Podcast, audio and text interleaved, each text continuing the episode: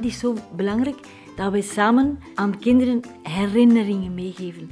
Herinneringen aan heel fijne momenten, maar ook herinnering aan hun kennen, hun kunnen en hun interesses.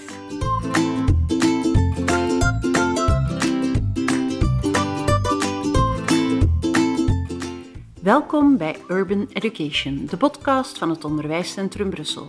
Ik ben Sarah Geets en vandaag gaan we het hebben over studiekeuze. Of eigenlijk over hoe je als leerkracht kan helpen zodat je leerlingen hun eigen leerloopbaan in handen nemen.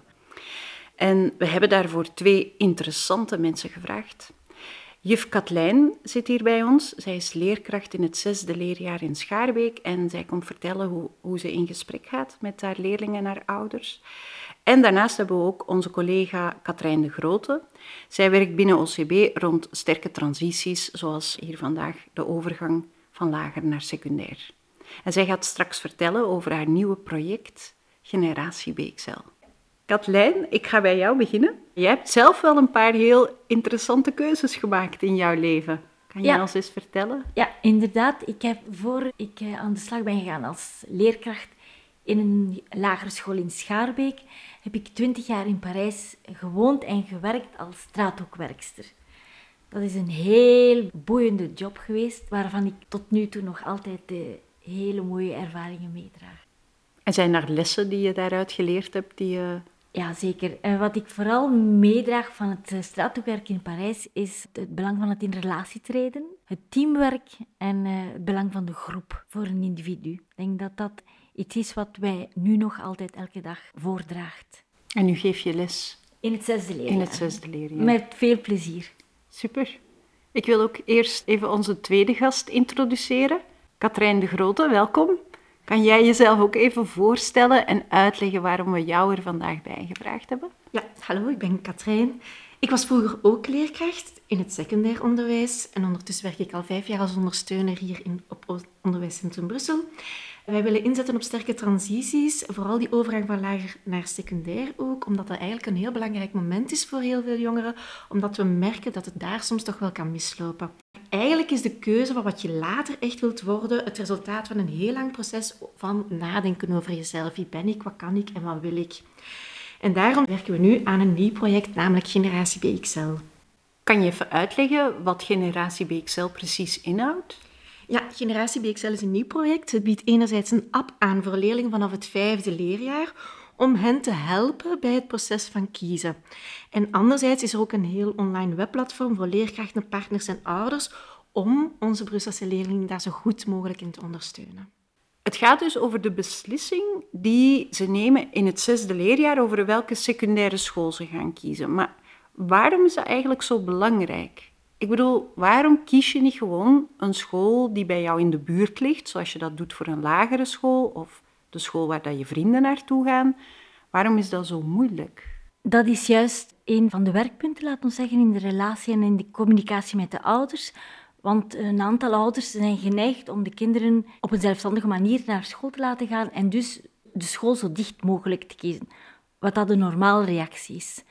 Maar wij proberen samen met het CLB en nog andere partners uit te leggen aan ouders dat het belangrijk is dat ze een school kiezen in functie van de interesses van de kinderen. En dus is het belangrijk dat kinderen naar een school gaan waar die keuzes van zijn of haar interesse aanwezig zijn. Zodanig dat een kind niet voortdurend van school moet veranderen en dat er een continuïteit kan gewaarborgd worden in de begeleiding van de kinderen. Het is langs de andere kant ook heel belangrijk. Ouders vinden zich vaak niet terug in de complexiteit van ons onderwijssysteem. En het is belangrijk om daar voortdurend met hen in gesprek over te gaan. Dus om uit te leggen wat in welke volgorde moet gekozen worden. Hoe doen jullie dat? Wij doen dat op verschillende niveaus en op verschillende momenten. Een van de klassieke momenten is de infoavond voor het secundair onderwijs, waar wij met ondersteuning van het CLB de opbouw, de organisatie van het middelbaar onderwijs uitleggen. En waarbij ouders vragen kunnen stellen. Dat is zo het klassieke startmoment van het jaar. Dat doen we altijd, en in het vijfde leerjaar en in het zesde leerjaar. Daarnaast zijn er ook de verschillende oudercontacten die we hebben naar aanleiding van het rapport. En dan even belangrijk, de vele informele gespreksmomenten die wij aangaan met ouders, omdat je wel voelt, in het zesde leerjaar groeit de ongerustheid en de bevraging van de ouders. Katrijn, hoe zit dat dan eigenlijk? Ik weet dat er een modernisering is geweest van het secundair onderwijs, maar kan jij ons in een notendop eens uitleggen hoe die structuur nu precies is in dat nieuwe systeem? Ja, alles heeft hier te maken met wat we noemen die brede eerste graad. Vanuit het lager stap je eigenlijk in die brede eerste graad in als jongere. Je stroomt door op basis van je getuigschrift. Dat wil zeggen dat als je getuigschrift basisonderwijs behaalt, dat je naar de A-stroom gaat. Behaal je dat niet, dan stroom je automatisch door naar de B-stroom. Die eerste graad, dus die eerste twee jaren in het secundair onderwijs, daarin kan je wel nog gaan schakelen tussen die A- en de B-stroom. Dus er zijn wel opties voorzien om daar iets flexibeler in te zijn. De bedoeling van die brede eerste graad is dat leerlingen eigenlijk alle kansen nog krijgen om hun interesses, talenten en mogelijkheden te ontdekken en verder te ontplooien. Ze moeten dus nog niet meteen als instappen in het secundair echt al een studierichting gaan kiezen. Ze krijgen eigenlijk die eerste twee jaar de tijd om dat stap voor stap te gaan ontdekken, samen met de leerkracht die hun echt wel ondersteunt in dat proces. Dus dat betekent dat je pas echt een keuze maakt op het einde van de eerste graad. Maar het is inderdaad wel belangrijk, zoals je aangaf, Katelijne, dat je gaat verder kijken naar die hogere jaren secundair onderwijs en dat je dus gaat kijken of de studierichting die daar wordt aangeboden ook echt wil passen bij jouw talenten, bij jouw kwaliteiten, bij wat je echt wilt of wat je zoekt in het onderwijs. Maar het begint dus eigenlijk bij het getuigschrift van de lagere school. Als je dat hebt, dan ga je naar de A-stroom, anders ga je naar de B-stroom. Ja, dat klopt. En dat maakt dat het echt geen gemakkelijke beslissing is geworden voor schoolteams in het lager onderwijs. Hun beslissingen daar hebben eigenlijk wel grotere gevolgen op de loopbaan van jongeren. Dus dat moeten heel goed gedragen beslissingen zijn, opgenomen in een proces door het volledige team. En daarbij betrek je dus best ook de ouders en de leerlingen en dit liefst zo vroeg mogelijk.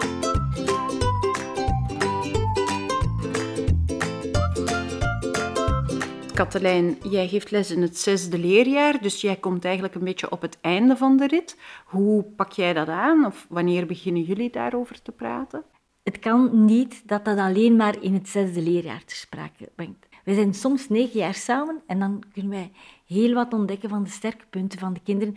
En daar moeten wij ook mee werken en aan de slag mee gaan. Wij hebben de plicht de kinderen goed te kennen, zichzelf te laten kennen en dat met behulp van de volwassenen die rondom hen staan. Ouders, partners, vrije tijdsbesteding, alle volwassenen die rondlopen op een school, kan een kind zichzelf doen ontdekken langs een of ander aspect. En dat is zo waardevol.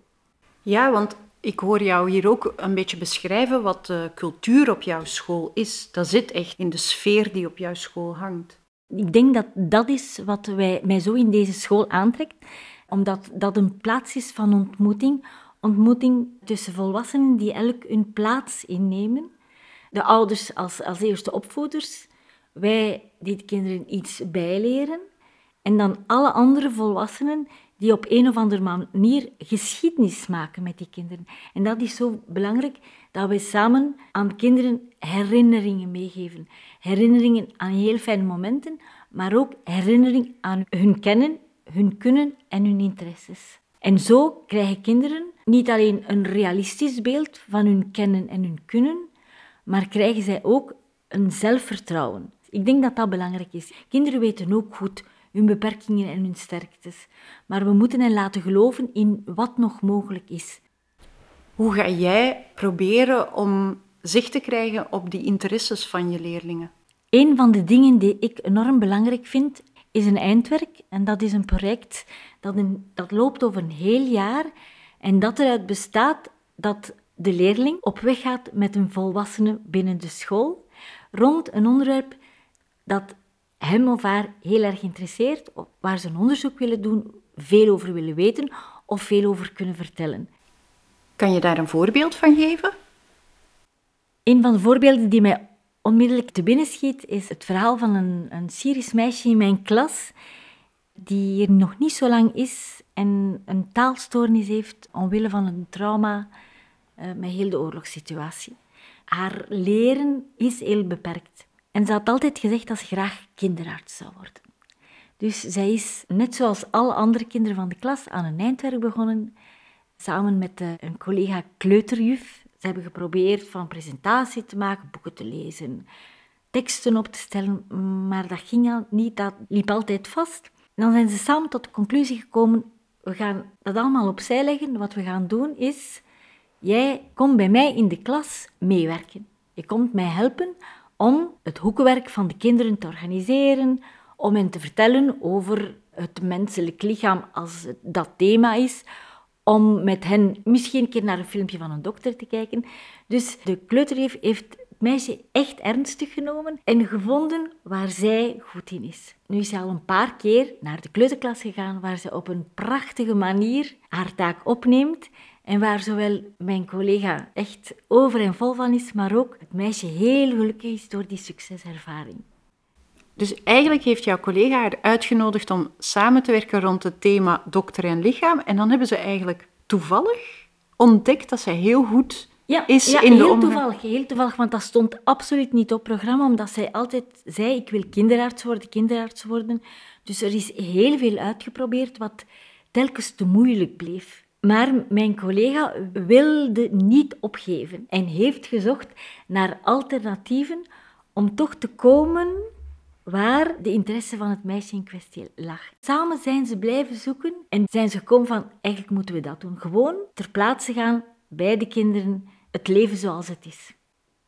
Ja, ik hoor hier heel mooie zaken. Hè. Ten eerste dat je als team zoekt over alle jaren heen, van je die interesses van jongeren kan meepakken, maar ook dat je die interesses dan echt in de klas binnenbrengt en samen gaat zoeken naar wat die jongeren, wat, wat er leeft, wat ze kunnen, om dat positief zelfbeeld eigenlijk te versterken. Dus vind ik heel sterk. Ervaringen binnenhalen in de klas zijn ongelooflijk belangrijk, zeker voor jongeren op die leeftijd. Het maakt dat je de zaken opentrekt, dat je vanuit die interesses vertrekt opnieuw, dat je die interesses ook wat meer gaat prikkelen en, en, en extra hen gaat uitdagen om daar iets mee te doen. Dat zorgt ervoor dat ze later ook op termijn goed weten wie dat ze zijn en vanuit die interesses kunnen kiezen. Hè? Ja. ja. En daarom vind ik het ook belangrijk om samen te werken met partners van buitenuit. Want ik kan niet alles, ik kan zeker niet alles goed. En daarom is het zo belangrijk om mensen aan te spreken. En daar zorgt onze brede schoolcoördinator voor. Wij hebben zo bijvoorbeeld een, met onze school een traject met kunstkuur, waar mensen van Sint-Lucas gedurende drie jaar zijn zij bij ons in de klas gekomen en hebben zij samen met de kinderen gewerkt aan een project. En om jullie daar een voorbeeld van te geven, we hebben op een gegeven moment heel veel gewerkt rond taal. Een project gedaan waar heel veel taal eh, ter sprake kwam. We hebben rond gedichten gewerkt, Paul van Ostaaien. Het was een tamelijk moeilijke opgave voor een niet-talige klas. En een van de kinderen was een Afghaans meisje die nog maar vier maanden in België was. En ik, heel spontaan, zei, ik zal ik met dat meisje apart gaan werken. Dan kunnen jullie rustig verder doen. En de persoon van kunstkeur zei, niet doen. Laat ze bij de groep we gaan er iets op vinden. En die is dus op een creatieve manier omgegaan met de mogelijkheden van het meisje. Die heeft onmiddellijk iemand van de klas aangesproken om te vertalen met gebarentalen, met de telefoon, met, met beelden. En het meisje, het Afghaans meisje, heeft heel dat traject mee uitgelopen. En moest ik alleen het woord zeggen, dan had het daar voor haar gestopt. Terwijl er zijn prachtige dingen uitgekomen. En persoon van kunstkeur heeft beroep gedaan op de solidariteit en de verbondenheid van de kinderen van de klas. En daar is iedereen beter van geworden.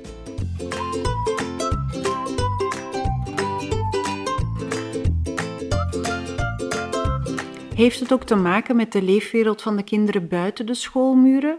Welke ervaringen dat ze al meegekregen hebben of dat ze weten welke keuzes en mogelijkheden dat er zijn voor hen? Ja, ik denk dat ook daar voor ons een rol weggelegd is als schoolgemeenschap. Want een aantal kinderen leven in een rijke omgeving en dat is goed en dat moeten wij aanmoedigen. Een aantal andere kinderen hebben die kansen niet. En dan hebben wij als school de opdracht, via onder andere de brede schoolwerking, om kinderen in contact te brengen met externe partners een partner waar ik zelf niet uh, aan deelneem, maar waar ik wel de kinderen met veel enthousiasme over praten, is TADA. Uh, TADA staat voor Toekomst Atelier d'Avenir.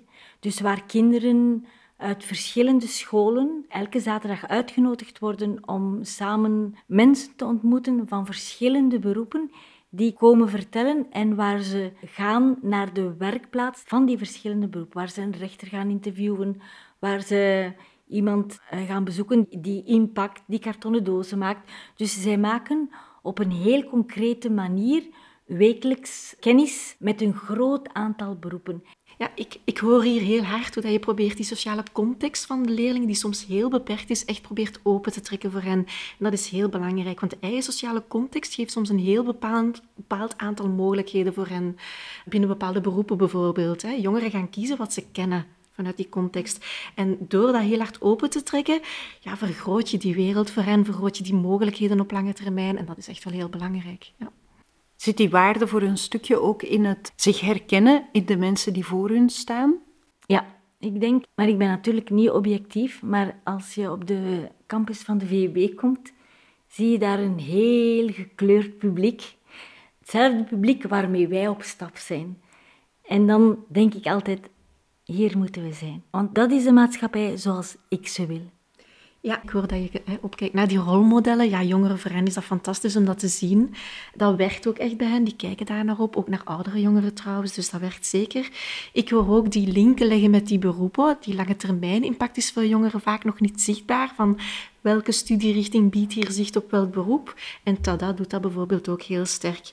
Dat maakt het allemaal heel concreet voor hen, veel tastbaarder. En dat maakt dat die studiekeuzes eigenlijk wel doelgerichter worden ook. Ga je dan ook met ouders in gesprek? Ja, ik denk dat dat wel een van de meest elementaire dingen is om voortdurend in gesprek te blijven met de ouders, omdat het zo belangrijk is. De ouders zijn de eerste opvoeders. Wij staan naast de ouders, wij doen het niet in de plaats van de ouders. En dat doorheen weer al die relatie waar ik het altijd over heb, maar ik vind het zo belangrijk omdat je vanuit die relatie ouders kan aanspreken op verschillende noden van kinderen, en op verschillende perspectieven ook. Hoe organiseren jullie als school dat gesprek met de ouders? Het is ook belangrijk, ik denk het niet, ik ben ervan overtuigd, om tijdens de contacten met de ouders, vooral als het gaat om de resultaten van kinderen, om daar heel duidelijk te zijn. Wij willen als school geloven in de mogelijkheden van elk kind, dat zeker. Maar we moeten ook realistisch blijven. Ik denk dat de ouders heel veel baat hebben bij een duidelijke boodschap. Dit gaat goed en dit moeten we stimuleren. Dit gaat niet goed en heel duidelijk, niet op een verbloemde manier, dit gaat niet goed en dit is nog een heel duidelijk werkpunt. En ik denk, die duidelijkheid geeft veiligheid voor de ouder, voor het kind en ook voor de leerkracht. Gaan jullie ook scholen bezoeken? Het blijft altijd waar dat de ouders de eerste eh, verantwoordelijke zijn voor de kinderen.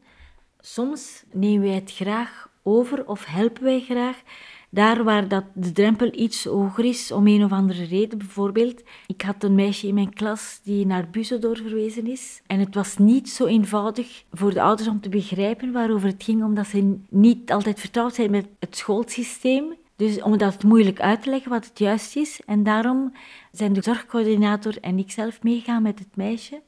Om het meisje gerust te stellen, om te laten zien van kijk, dit is het en dit is een school zoals jij kende, maar alleen het is een secundaire school.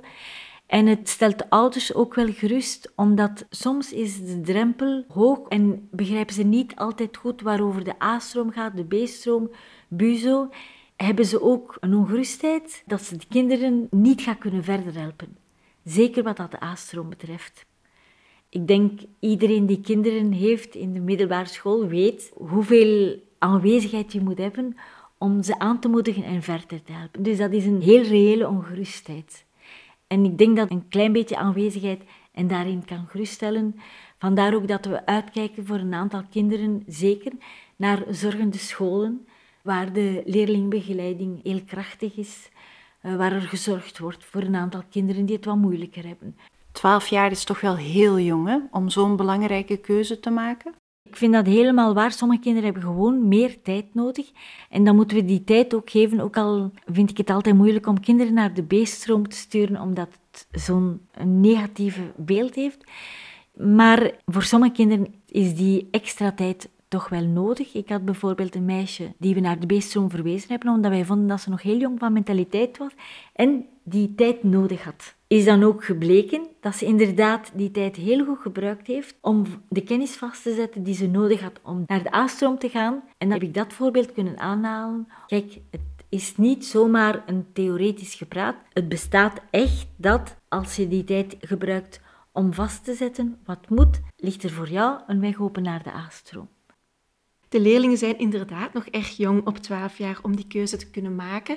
Ook als team is het echt moeilijk om in te schatten van waar die jongeren nog naartoe gaan groeien. Ze kunnen nog alle kanten uit. Ik citeer hier heel graag Jelle Jolles eigenlijk, die ook altijd zegt van ook traag groeiende bomen kunnen later de hoogste worden. Ik vind dat een hele mooie uitspraak. Het is heel moeilijk te voorspellen. Het is vooral belangrijk dat we blijven geloven in dat groeipotentieel van elke jongere. En dan komt iedereen er wel binnen zijn eigen mogelijkheden. En dat vertrouwen moeten we gewoon hebben in elke jongere. Katrijn, jij vertelde daar straks al over Generatie BXL. Wat is dat project precies en wat kan het betekenen voor leerlingen? Hoe ga je ermee aan de slag? Ja, het is een project gericht op het versterken van de loopbaan van onze Brusselse jongeren. We ontwikkelen daarvoor onder andere een app voor de leerling van het vijfde leerjaar. Daar starten we. En met die app leren de jongeren zichzelf heel goed kennen en een beter beeld krijgen van wat ze echt willen. Dus echt het verhaal van wie ben ik, wat kan ik en wat wil ik bereiken. Ze kunnen bijvoorbeeld invullen wat ze over zichzelf geleerd hebben na een groepswerk. Stel dat je daar de leiding kreeg in een groepswerk. Wat betekent dat dan voor jou als jongere? Wat heb je daaruit geleerd? Welke kwaliteiten zag je ineens in jezelf? Maar je kan ook feedback vragen van de andere leden van dat groepswerk en ook van de leerkracht. En dan maakt dat je een heel volledig beeld over jezelf gaat krijgen. De bedoeling is dat dat ook meegroeit met de leerlingen en dat ze echt dat proces over meerdere jaren heen meepakken en dat ze dus leren inzien welke kwaliteiten er boven komen, welke drijfveren er boven komen om dat op te pakken als een studierichting. Ook leerkrachten kunnen met bepaalde informatie uit die app aan de slag. Het is de bedoeling dat ze daarover ook in gesprek gaan met de leerling en met de ouders. Dus je kan daar informatie, bepaalde output uithalen als leerkracht, die kwaliteiten naar boven halen en daarmee in gesprek gaan tijdens kindgesprekken of loopbaangesprekken. Ook leerkrachten die een eigen account aanmaken, kunnen heel gerichte informatie krijgen. Bijvoorbeeld alle data van het aanmeldingsregister, data van de infomomenten van het CLB, interessante workshops rond talentontwikkeling enzovoort. Dus er wordt heel veel informatie aangeboden. We werken daarvoor ook, heel, ook echt wel samen met heel veel partners. Katlijn, ik wil jou nog één ding vragen. Hoe voelt het eigenlijk om op het einde van het jaar elk jaar opnieuw je leerlingen te moeten loslaten en zo de wijde wereld in te sturen? Ik ben er nog niet klaar voor, maar zij willen. Zij gaan met plezier naar die grote school. Voor mij zou het nu nog een jaartje langer mogen duren, omdat nu die relatie is volop gaande. Maar het is ook goed dat ze hun weg gaan. Je mag geen enkel kind op een bepaald moment vastpinnen, want ze hebben zoveel veerkracht en zoveel mogelijkheden om te evolueren, dat het ook volgend jaar en het jaar erachter zal goed komen.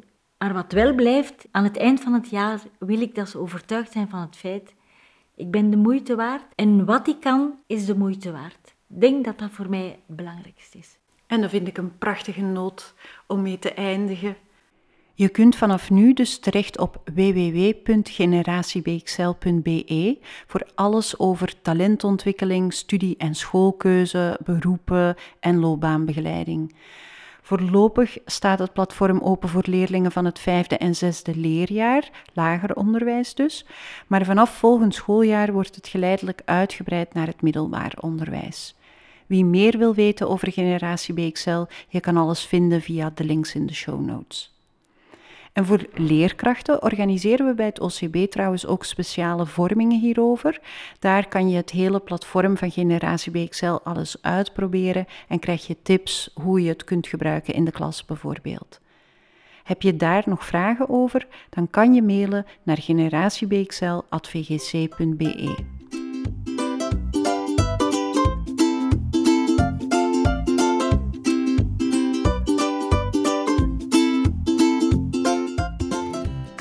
En heb je feedback of suggesties voor de podcast? Die mag je, zoals altijd, mailen naar onderwijscentrumbrussel.vgc.be. Bedankt voor het luisteren en graag tot een volgende keer.